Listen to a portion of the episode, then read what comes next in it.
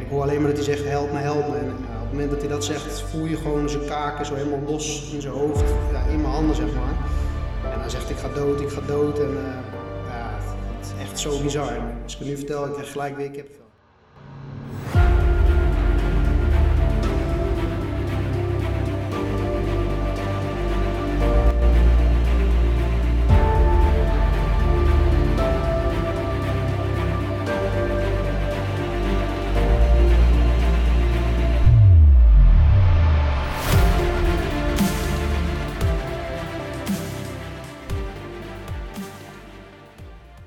Je hebt gekozen om te luisteren naar de mensen achter het uniform. En als eerste willen je daarvoor bedanken. Want doordat jij luistert, draag je bij aan de verbinding tussen hulpverleners en de maatschappij. We hopen door deze podcast een kijker te geven in de tijd die na een groot incident komt. Je ziet in het nieuws vaak heftige gebeurtenissen en we willen laten zien wat zo'n gebeurtenis kan veroorzaken bij de hulpverleners die te plaatsen zijn. In deze aflevering gaan we ons aan je voorstellen, vertellen wat over onszelf en leer je ons kennen. William, wil jij als eerste even voorstellen? Zeker. Ik ben uh, William. Ik ben uh, 34 jaar oud. Ik uh, ben begonnen in 2009 bij de politie, bij de, op uh, Paardenveld, bureau Paardenveld, dat is in de binnenstad van Utrecht. Uh, mijn opleiding gevolgd. Tijdens de opleiding ben ik naar bureau Breukelen gegaan en uiteindelijk op bureau Maasje terechtgekomen waar ik al een hele tijd werk. Dan vooral in de incidentafhandeling werk ik, dus de 1 en 2 meldingen zijn dat vooral. Ehm, daar, daar werk ik in, daar doe ik ook dienst als operationeel coördinator. dat vind ik een leuke afwisseling waarin je dus ook eindverantwoordelijke bent voor het hele proces, de sturing doet. Um, buiten de incidentafhandeling doe ik nog, uh, ben ik lid bij de ME, mobiele eenheid. Dus daar komen we het hele land mee. En ik ben nog traangasspecialist binnen de mobiele eenheid. Dus dat is een uh, leuke afwisseling. Wat is traangasspecialist? Um, ja, dan mag je dus uh, in de mobiele eenheid verband mag je gebruik maken van, van, van traangas als het nodig is in het, in het ergste geval. En je adviseert dan ook een pelotonscommandant over de inzet van, van traangas. Um, dus dat is wel een leuke neventaak dan weer binnen de mobiele eenheid. Dus vooral nu, hè, de laatste periode, dat, uh, dat je veel met, uh, met rellen te maken hebt, dat, uh, dat ook traangas is ingezet. Ja, ja, absoluut. Ja, ik heb het zelf nog nooit gedaan, gelukkig. Um, ja, dus vooral trainen en gecertificeerd blijven. En mocht het ooit nodig zijn, dan, ja, dan ben je voorbereid daarop. Dan komen we aan bij Ray. Ja, ik ben Raymond. Ik ben 30 jaar. Sinds 2009 ook werkzaam bij de politie. Um, ik heb mijn opleiding ook gevolgd in Apeldoorn en werkzaam binnen uh, het basisteam uh, Stichtsvecht de Venen op het uh, bureau in Maarsen. Um, daar zit ik voornamelijk in de incidentafhandeling en sinds een aantal maanden ben ik ook praktijkbegeleider voor 50%. Daar, dat houdt in door studenten die opgeleid worden en in de praktijk komen de, ja, de begeleiding daarvoor geven. Daar ben ik dus sinds kort mee bezig. Um, daarnaast ben ik ook lid van de mobiele eenheid kom ik dus ook door het hele land en uh, treed ik daar uh, op als lid. Zo mooi hè, dat je zelf, uh, begin je natuurlijk als student bij de politie en dan zie je een heel, tenminste dan zie, je, dan zie je een hele carrière voor je en uiteindelijk zit je nu zelf, als je terugkijkt, zitten we allemaal volgens mij al tien jaar bij de politie. Ja, 12,5 bijna. 12,5 jaar inderdaad, feestje oktober, 12,5 ja. jaar. Maar het is wel mooi dat je dan nu zelf ook studenten uh, eigenlijk opleidt. Ja, het, is, het is superleuk om de ervaring die je inmiddels opgedaan hebt in de afgelopen jaren, om je kennis over te dragen aan uh, ja, nieuwe collega's, zodat zij daar uh, ook iets van kunnen leren en eventueel dat mee kunnen nemen in hun carrière. Dat is superleuk. Ja, super. Mooi om te zien dat we allemaal onze dingetjes gaandeweg hebben bereikt. En mobiele eenheid hebben we dus de opleiding samen ge gevolgd. Ja, dat was ook wel ja lachen. in Osrecht samen. Ja. Superleuk om dat samen natuurlijk daar te, te volgen. Vijf, vijf, zes jaar geleden alweer. Ja, gaat snel. Ja. Nou, dan kom je aan bij mij, denk ik. En ik ben, uh, ik ben Julian. En uh, ik ben begonnen als surveillant bij de politie. En dat is nou, 12,5 jaar geleden, zoals je net hoorde. En uh, inmiddels ben ik wijkagent. Als wijkagent voer je eigenlijk de regie, over een wijk. Dus je bekijkt waar politie-inzet nodig is, welke politie-inzet nodig is. Maar je hebt ook heel veel contact met ketenpartners, zoals de gemeente, het jongerenwerk, Veilig Thuis. Dus eigenlijk probeer je eigenlijk achter de voordeur van de gezinnen te komen. En vanuit daar probeer je eigenlijk de wijk een stukje veiliger te maken. Ja, daarnaast ben ik ook ME-lid, net als uh, William en Raymond. En, het mooie daarvan is, want wij werken natuurlijk met z'n drieën op één bureau. En zo hebben we al die inzetten door het hele land doen we ook vaak samen. Dus daar is eigenlijk ook een beetje onze vriendschap uh, begonnen, hè? dat we samen heel veel samenwerken. Ja. Nou, William en ik, wij zijn natuurlijk... 2009, april 2009 was eigenlijk liefde op het eerste gezicht, vooral vanuit jou natuurlijk. ja. Dus de politieacademie in Apeldoorn, ja. ja. Hele mooie tijd gehad daar. Dag 2 begonnen we met carpoolen volgens mij. Hè? En, uh... Nee, maar het is hartstikke mooi dat, je, dat we zo samen echt al twaalf jaar bijna bevri- bevriend zijn met z'n allen. En eh, met William, met jou heb ik natuurlijk ook het, eh, het allereerste heftige incident meegemaakt. Ja, ondertussen na die 12,5 jaar heel veel. Maar eh, de allereerste was inderdaad eigenlijk in, eh, in privé-tijd. Hè? Dat we, we waren klaar in Apeldoorn en we reden naar huis toe. Het is eigenlijk bizar, want we hadden toevallig daarvoor hadden we die eh, EHDP-les gehad. EHDP is eerste hulp door politie. Ja, bij ongevallen wat je moet doen als je als eerste bij een, bij een ernstige aanrijding komt. Nou, we waren nog zo, zo groen als gras. Ja. Volgens mij zaten we net een half jaar op de politieacademie of zo, of een jaar, ik weet het niet meer. Maar ja, eigenlijk nog geen tot weinig praktijkervaring. En eh, volgens mij, eh een maatje van ons reden, we reden met z'n drieën. Wij zaten, of ik zat achterin, zat voorin. En dan eh staat in één keer een file voor ons op een, op een eh, N-weg.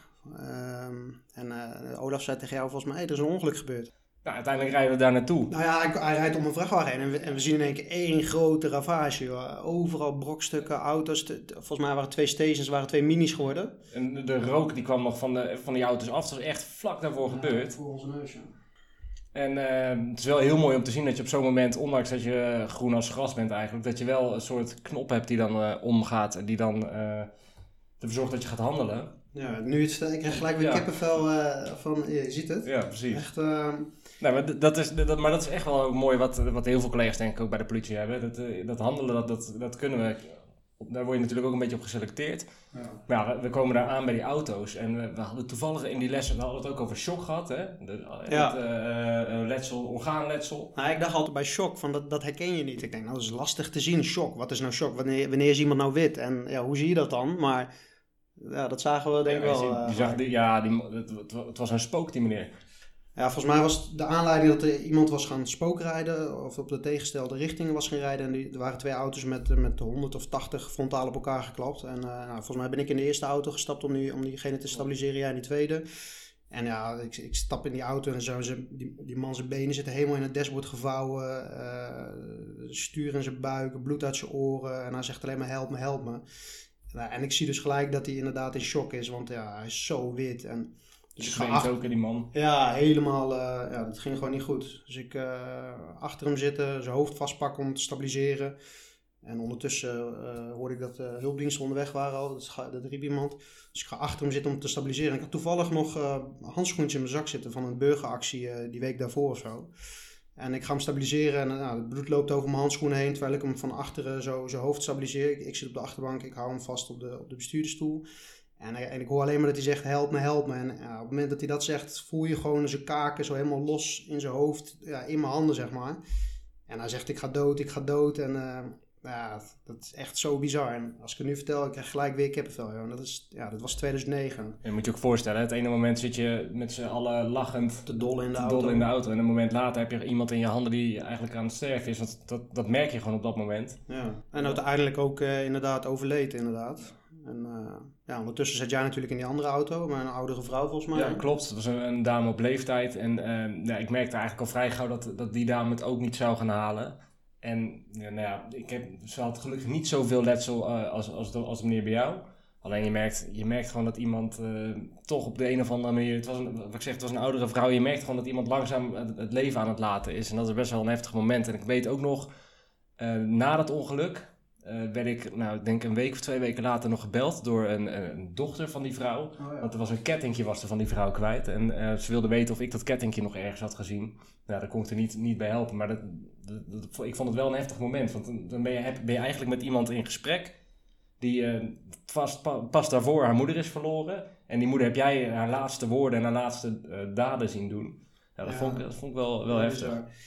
Ik, ik weet nog wel dat eh, soms rijd ik er nog wel eens, eh, of rijd daar in de buurt en eh, als ik daar dan langskom, dan moet ik toch altijd denken aan, aan die plek daar. 17.1 op de. N-weg, dat weet ik echt nog zo goed. Ja, precies. Veel indruk gemaakt.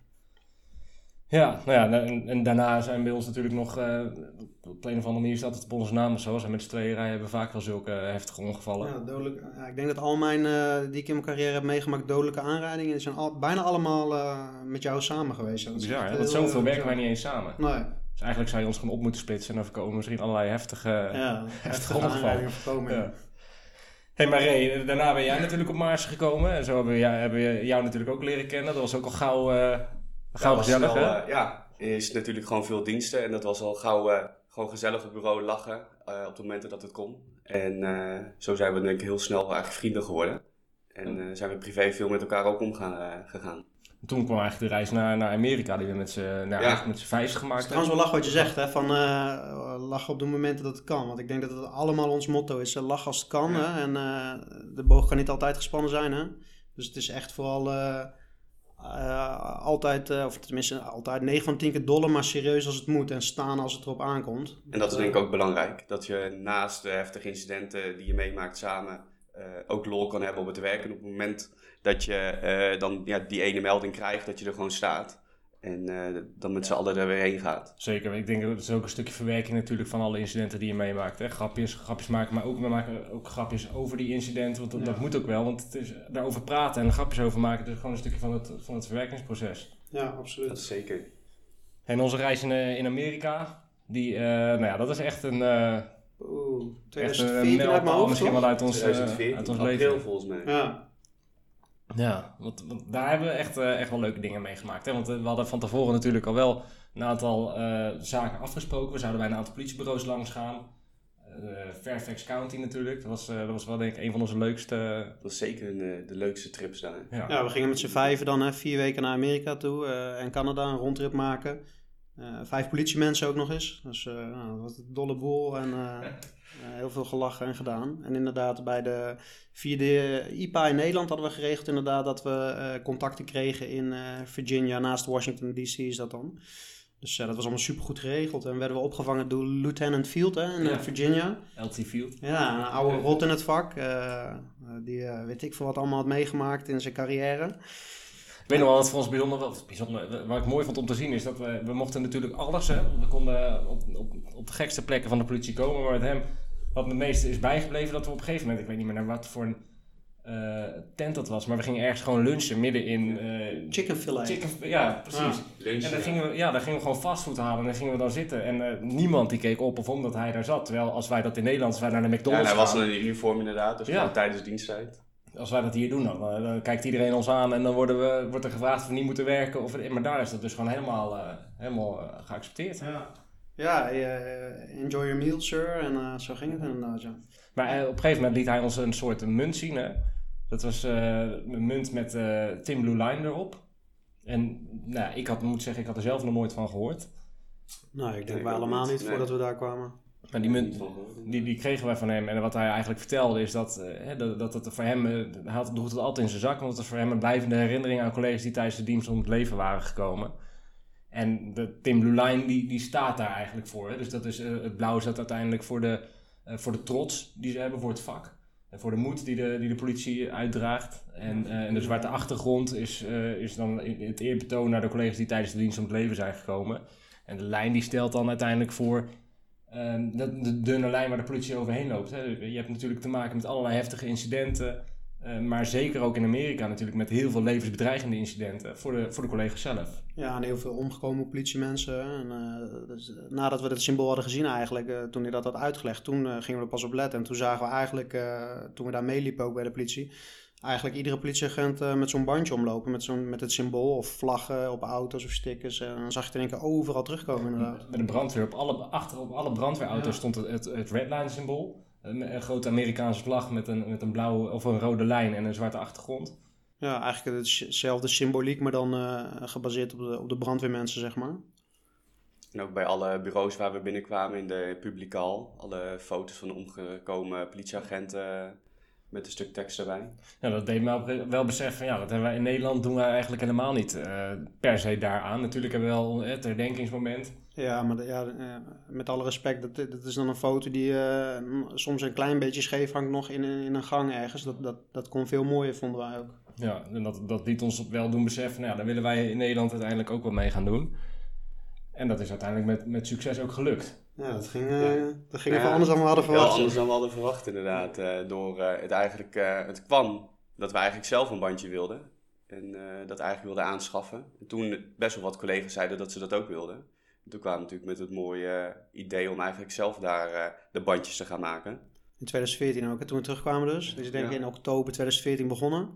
Zoiets. Ja. En met een eh, Google inschrijfformulier of zo, dat je eh, je bestelling kon doen en dan acht weken later was die een keer klaar. Het was, ik weet echt, als ik nu terugdenk, dat was eigenlijk echt onmenselijk om, om, om dat te doen. Het enige wat we nog deden was bandjes maken. Waar, waar, Ja, niet waar- alleen wij. Volgens mij was onze drukste dag toen destijds, eh, of het was 2000 bestellingen op één dag, of 1000 bestellingen per dag, twee dagen lang Zoiets- of zo. Ik zoiets weet was niet precies inderdaad. meer, maar Ik weet nog wel dat, we dat, dat Gmail die vond dat wij spam verstuurden. Omdat de mensen kregen wel, hadden we geregeld dat mensen automatisch, ja, ja hadden we geregeld. Dat was, is natuurlijk nu super amateuristisch, maar toen vonden we dat heel knap van onszelf. ja, Maar geen mensen kregen, webshop, niks. nee, mensen die kregen van ons een, eh, een, een mailtje terug inderdaad.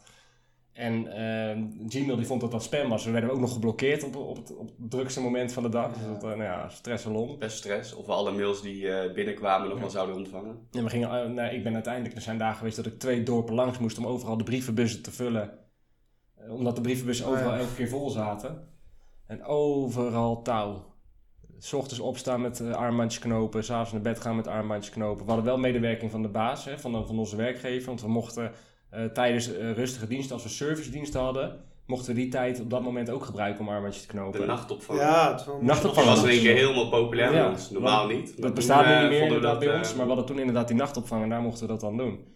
En eh, ja, het klinkt nu een beetje als klagen, maar wat we hebben bereikt is dat we bijna 30.000 euro voor Make-A-Wish die tijd hebben opge- opgehaald. Ja, in het, in het eerste half jaar, ja, ik weet niet meer. Volgens mij het jaar daarna deden we die open dag, zeg maar, Ja. voor Make-A-Wish toen.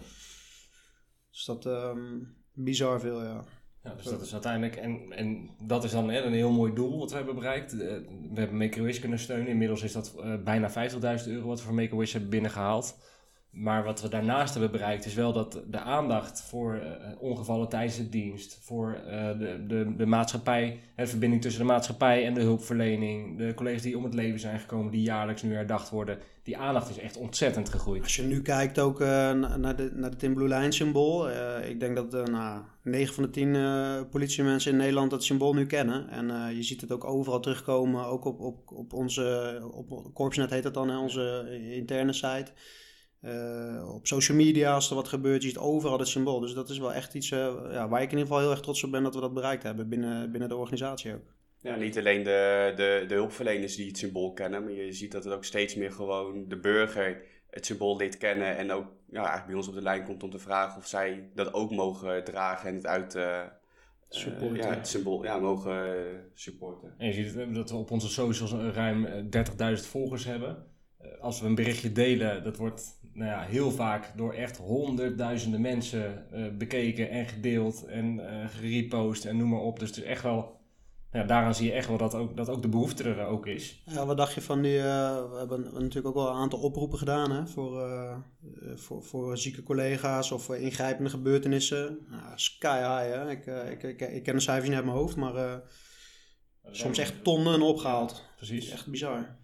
Dus ik denk dat dat, dat, is, dat is ook wel een beetje onze drive. Hè? Want het is uiteindelijk, naast onze reguliere werk, is het echt wel een soort, een beetje een baan daarnaast. Als je ziet hoeveel berichten we binnenkrijgen, hoeveel e-mails we krijgen, hoeveel bestellingen we natuurlijk moeten verzenden. Maar het is wel een beetje de drive die we hebben.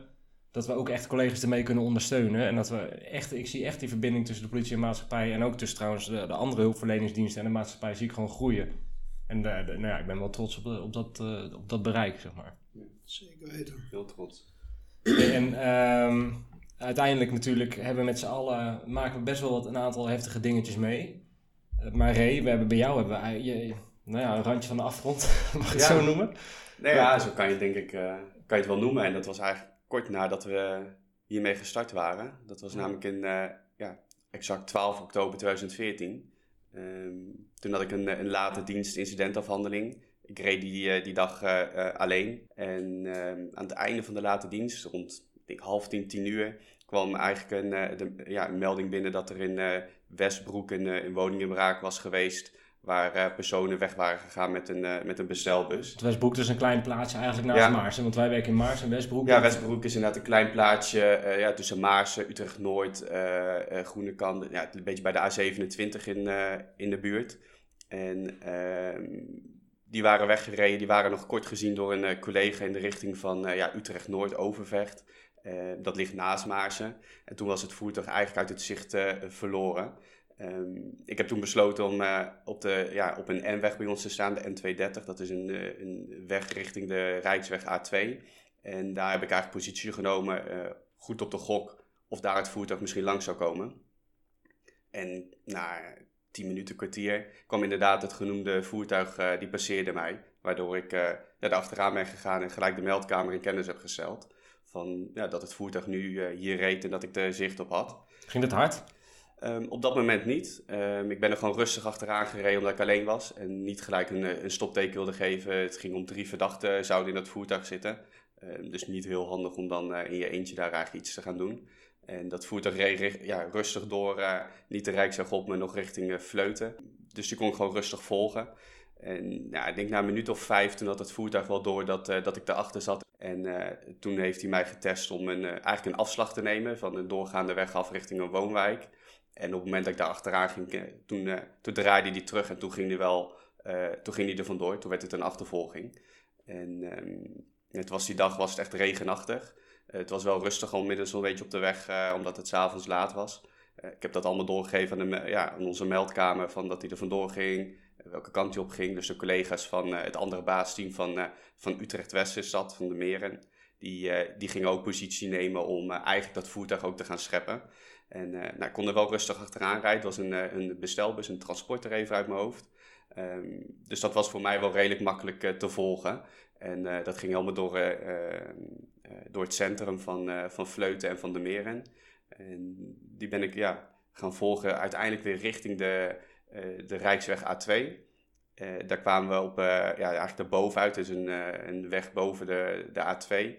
En daar ben ik hem nog steeds gaan volgen. En daar kwamen eigenlijk de collega's van, van Utrecht Centrum en ook van Vleuten de Meren. Die stonden mij daar eigenlijk op te wachten met, met diverse voertuigen. Um, daar ging dat voertuig wel flink op de snelheid, omdat het, ja, het is een lange rechte weg. Dus toen werden de snelheden wel wat hoger. En toen kwamen we ja, iets verder op die weg, um, dat is de, uh, de Letjeweg in Utrecht. Um, ja, daar zit een, een S-bocht in, daar reden we achteraan. Uh, dat voertuig reed uh, voor mij er doorheen en ik reed als tweede voertuig toen erachter. En wat ik zei, het regende best wel. En ik reed daar de, die, een S-bocht in, die loopt ietsjes naar beneden. Het was voor mij helemaal onbekend daar, een niet bekend, bekende weg. En toen voor ik het wist, ging mijn auto in de slip. En uh, belandde ik in het gras die direct naast, uh, naast de weg was. En uh, binnen een paar seconden reek frontaal tegen een boom aan. Hoe hard ging dat dan? Um, achter, op dat moment wist ik niet exact hoe hard ik reed. Het, voor mijn gevoel ging het niet zo heel hard. Um, later is ook teruggerekend naar alle onderzoeken die zijn gedaan. reed ik daar 67 km per uur. het is een weg waar je 50 mag, dus dat viel op zich. Ja. nou ja, als je het zo zegt, valt het eigenlijk best wel mee. Het klinkt ook in het begin alsof je het allemaal best wel onder controle hebt. Ja, het, uh, dat gevoel had ik ook. Heel erg onder controle. Um, alleen blijkbaar zat daar een klein heuveltje in, het, uh, in die weg, die ik niet kende. Um, en door de regen en doordat de voertuigen iets zwaarder zijn, werd die gelift en kwam ik gelijk in het gras. En dat was doordat het zo geregend had, eigenlijk een soort ijsbaan. En uh, was het voertuig gewoon niet bestuurbaar meer en reed frontaal tegen een boom aan. Wat gaat er door je heen als je in één keer je auto niet meer bestuurbaar krijgt? Dat ging zo snel, dat is echt nou ja, een, fractie, een fractie van een seconde. Uh, maar je schrikt wel heel erg en ja, je probeert dan toch tegen te sturen om hem eigenlijk toch nog tot stilstand te krijgen. Nou, dat lukte niet. Um, toen stond ik tegen die boom aan en ik weet nog goed, ik heb niet naar het voertuig eigenlijk gekeken. Ik zat erin, ik ben eigenlijk uitgestapt. Ik had nog het idee van, nou, eh, pff, tegen een ongeluk gehad, kan zo weer verder. Um, wat William eigenlijk net zei over shock nou, dat eh, bleek wel dat ik echt op dat moment een aantal uh, minuten gewoon in shock was door de, door de klap tegen de boom. Ik ben namelijk zelf uit het voertuig ben, ben gestapt. Stonden gelijk best wel veel collega's om me heen, omdat die bij de achtervolging waren. En ik denk, nou, ja, misschien na een minuut of twee, drie had ik wel het besef van, het is niet goed wat hier is gebeurd en zo'n klap. Um, en toen ben ik eigenlijk op de grond gaan liggen, omdat ik me gewoon niet, niet heel lekker voelde. En daar heb ik eh, gelegen tot ik uiteindelijk in het, eh, in het ziekenhuis eh, beland ben. heb ik alleen maar naar boven gekeken. Ik heb het voertuig dus niet direct gezien hoe kapot die was. Ik heb nog wel naar huis gebeld, naar mijn vriendin, omdat, nou ja, wat ik zei. Ik ben er niet met eten. Ja, ja, nou ja het was, eh, het was natuurlijk uh, het was het einde van de dienst. En uh, nou ja, wat ik zei, ik dacht, nou, het valt allemaal, wel, valt allemaal wel mee. Ik moet voor controle even naar het ziekenhuis. dus ik heb zelf nog naar, naar mijn vriendin gebeld om te zeggen dat ik nou, iets later was. Dat ik even naar het ziekenhuis moest voor, voor controle omdat ik een ongelukje gehad had. En nou, ze schrok daar niet heel erg van. Ze dacht, nou, ongelukje kan gebeuren. Totdat ze op social media eigenlijk aan het kijken was en het voorbij zag komen, het ongeluk van mij. En toen zag ze de auto hoe die eruit zag. Ik kan het zeggen, want ik heb die foto van die auto gezien. Ik denk van, nou ja, jij zat achter de bestuurdersstoel. Ja. Dat was wel echt een prak. Maar als je, als, je, als je als bijrijder... Hè, het is dan maar geluk dat je in je eentje reed. Want als je als bijrijder ernaast had gezeten, dan was het echt einde van ja, En als je dan bedenkt dat het inderdaad achteraf gezien met 67 km per uur is geweest. Dat, uh, als je dan ziet hoe de auto eruit ziet. Ja, die, ik ben heel blij dat ik inderdaad alleen reed. En dat er niemand uh, naast me in de auto zag, zat. En um, nou ja, wat ik zei, hè, ik had mijn vriendin dus gesproken en die zag het dus daarna in één keer op, eh, op social media, zag ze eigenlijk hoe de auto eruit zag. Uh, dus die raakte ook eigenlijk lichtelijk in paniek en heeft gelijk mijn ouders gebeld en uh, gezegd van ja, dit is er gebeurd. En die zijn ook naar het ziekenhuis gegaan. en daar kwam ik eigenlijk voor het eerst ook de foto's tegen van, van het ongeval, omdat een arts eigenlijk aan mij vroeg of ik dat wel gezien had. Ja. Nou, daar schrok ik toen ook wel van. En maar op dat moment wist je waarschijnlijk ook nog niet wat voor letsel je zelf had. Nee, ik wist niet, uh, niet wat voor letsel. Dus ik had in de, in de ambulance had ik uh, ja, toch wel een beetje uh, stress. Want door het werk weten wij natuurlijk dat als wij iemand met heel veel letsel zien, dat je dat niet allemaal direct zegt tegen iemand als ze de vraag stellen, om mij een beetje gerust te stellen. Um, en dat gevoel had ik van mezelf eigenlijk ook, omdat ik helemaal gespalk werd. dus mijn hoofd werd helemaal vastgemaakt en ik kon eigenlijk helemaal niet meer bewegen in de ambulance. En dus toen had ik voor mezelf ook wel het idee van, oeh, misschien is er wel wat meer aan de hand dan dat ze me vertellen. En dat wist ik pas eigenlijk in het ziekenhuis, uh, kwam ik erachter dat het uh, achteraf gelukkig allemaal meeviel. En had ik alleen uh, drie breuken in mijn hand en heel veel kneuzingen. Wat dat betreft viel het voor jou wel mee, maar wij moesten natuurlijk in één keer met z'n tweeën armbandjes ja, knopen. veel meer werk doen. Ja. Jij kon in één keer niks meer. Ik kon helemaal niks meer en toen moesten jullie dat allemaal. Dat was je mooi gepland, ja. Dat was, uh, ja, het was een beetje een piek van, uh, van de opzet van uh, de bandjes knopen. Ja, ik weet nog, volgens mij belde je mij van, zei je, hey Bolle, want jij noemt me heel vaak Bolle, hè. Het, is ook niet voor niks, de luisteraars, ik ben 1,75 en ik weeg 70 kilo, een en al spier. maar um, je zei, ja, Raymond heeft een ongeluk gehad. Maar het is wel erg, maar hij gaat, het is, hij gaat niet dood of zo, zoiets zei je, ik weet niet meer, maar... Dus ik zei gelijk, ja, heeft hij natuurlijk te hard gereden. En uh, nou ja, achteraf is dat het... werd gelijk uh, gezegd. Ja, achteraf uh, bleek het helemaal niet te kloppen. Ik ben blij dat er onderzoek naar verricht is, inderdaad. ja. Nee, maar inderdaad, kijk, nu kunnen we er grapjes over maken en we kunnen erover lachen. Maar ja. op dat moment, we schrikken er allemaal van. Zeker omdat je inderdaad die foto, die foto zet ik even op onze socials, dan kan, kan iedereen meekijken. Ja, ja dan heb je een beeld bij hoe dat ding eruit zag. Het eruit zag als de auto iets verder draait en je komt met je bestuurderszijde tegen die boom, nou, dan ja, ja, ga je het niet meer naar. Ik ben blij dat de passagierszijde wat dat betreft zo ver in de prak zat. En uh, niet uh, de bestuurderszijde. Want dan uh, en eigenlijk, ook, ja, eigenlijk sindsdien 2014, als wij dan samen dienst hebben, mag je bij ons in ieder geval niet meer rijden. Maar achterin dan zit je altijd ernaast. Rijverbod. Ja. want je hebt dan het ongeluk gehad en, dan zit er een, een, herstelproces aan, een soort revalidatie is dat. Maar dan kom je daarna op het werk en dan moet je weer, weer achter het stuur. Hoe, uh, hoe ja, ik heb drie maanden ongeveer thuis gelopen voor het herstel. En uh, toen daarvoor al wel een paar keer natuurlijk op je bureau geweest om uh, wat binnendiensten te draaien. Maar na drie maanden ongeveer dat ik echt weer gewoon volledig in Zeppa zou zijn ik heb toen wel voor mezelf besloten om uh, uh, van tevoren al aan te vragen om rijopleiding uh, te krijgen. Om te ervaren van hoe reageer ik om weer eigenlijk met ja, optische en geluidssignalen te rijden. Want je moet vervolgens natuurlijk, er komen nog honderd achtervolgingen en spoedmeldingen. Ja. En dus je moet gewoon weer op snelheid ja, dus gaan heel, ik voelde me heel erg goed. alleen ik was wel bang uh, wat je natuurlijk wel eens hoort, dat het dan weer een trigger kan zijn als je dat, uh, hetzelfde gaat beleven. Dus dat, uh, dat wilde ik wel voordat ik weer eigenlijk volledig aan het werk ging, wilde ik dat ervaren. Dat, dat, werd mooi gefaciliteerd door de, door de baas, waardoor ik een dag rijopleiding kreeg en we eigenlijk de dag hebben afgesloten ook op de locatie waar ik het ongeval heb gehad. Om daar gewoon weer met, ja, met spoed langs te rijden en te ervaren hoe het, hoe het ging. Uh, dat was wel even spannend, want dan, uh, dat is toch het moment ja, waar je toch weer tegen, of waar je tegen echt, bent. Het is echt goed voor jezelf dat je dat uh, gedaan hebt, dat je daar niet aan voorbij bent gegaan. Want het is natuurlijk heel makkelijk om vervolgens op de werkvloer te komen en stoer weer verder te gaan met je meldingen. Ja. En, dus het is ook knap dat je, te, over je tegen jezelf kan zeggen, veel, ik denk dat het goed is dat ik nog een aantal lessen weer neem. dat je even kwetsbaar opstelt, zeg maar. Ja, en in een, eh, wat dat betreft veilige omgeving gewoon ervaren eh, wat het met je lichaam doet. En, ehm, want het was best ja, een heftig ongeval en je weet gewoon niet eh, hoe je dan reageert. En gelukkig ging dat eh, bij mij weer eh, ging dat goed. Ja, en, en, en nou ja, die foto's van het ongeval, dat laten we dan inderdaad op onze socials zien. En dit zijn wel van die ingrijpende verhalen waarvan, waarvan wij in ieder geval vinden dat, dat die verteld moeten worden. En, maar om collega's te laten zien dat kwetsbaar opstellen dat dat kan. Hè? Dat willen we eigenlijk aan alle hulpverleners laten zien. Maar we willen ook aan de maatschappij laten zien dat... eh, je, ziet wel eens een politieauto voorbij knallen, je ziet wel eens een ambulance voorbij knallen. Maar er zit achter dat stuur zit iemand die super geconcentreerd aan het rijden is. En best wel spannende dingen moet, eh, moet doen soms. Maar ook naar een melding onderweg is. Waarvan je vaak niet eens weet wat je gaat aantreffen. Meer- meerdere dingen gewoon tegelijk. We zijn Of en aan het auto rijden en, ehm, en bezig met een melding. En als er echt, soms echt een heftige melding is, ben je daar al ja, met je gedachten best wel eh, aanwezig. Nee, dus wat dat betreft is denk ik sowieso voor iedereen heel belangrijk hè, dat je al- als je in het verkeer zit, dat je oplet of er een politieauto aankomt. Want dat, dat maken we heel vaak mee dat we met spoed aan het rijden zijn dat mensen niet zien dat wij er aankomen. En tuurlijk letten wij, hè, we letten op, we, letten, we, doen er ons best voor. Ja, soms gaat het heel goed en soms iets minder. Dan eh Ja. er een klein eh, eh, woordje richting elkaar eh, achter het stuur Ja. eh, eruit, zeg maar. En dan, eh, maar soms gaat het wel heel goed ook, hè. Nee, zo zeker. En ik denk- aan de kant staan. En daarom het, als het verkeer meewerkt, dat draagt natuurlijk ontzettend bij aan, je, aan de veiligheid van, van de hulpverleners. En dit zijn wel verhalen waarvan wij vinden dat het gehoord moet worden.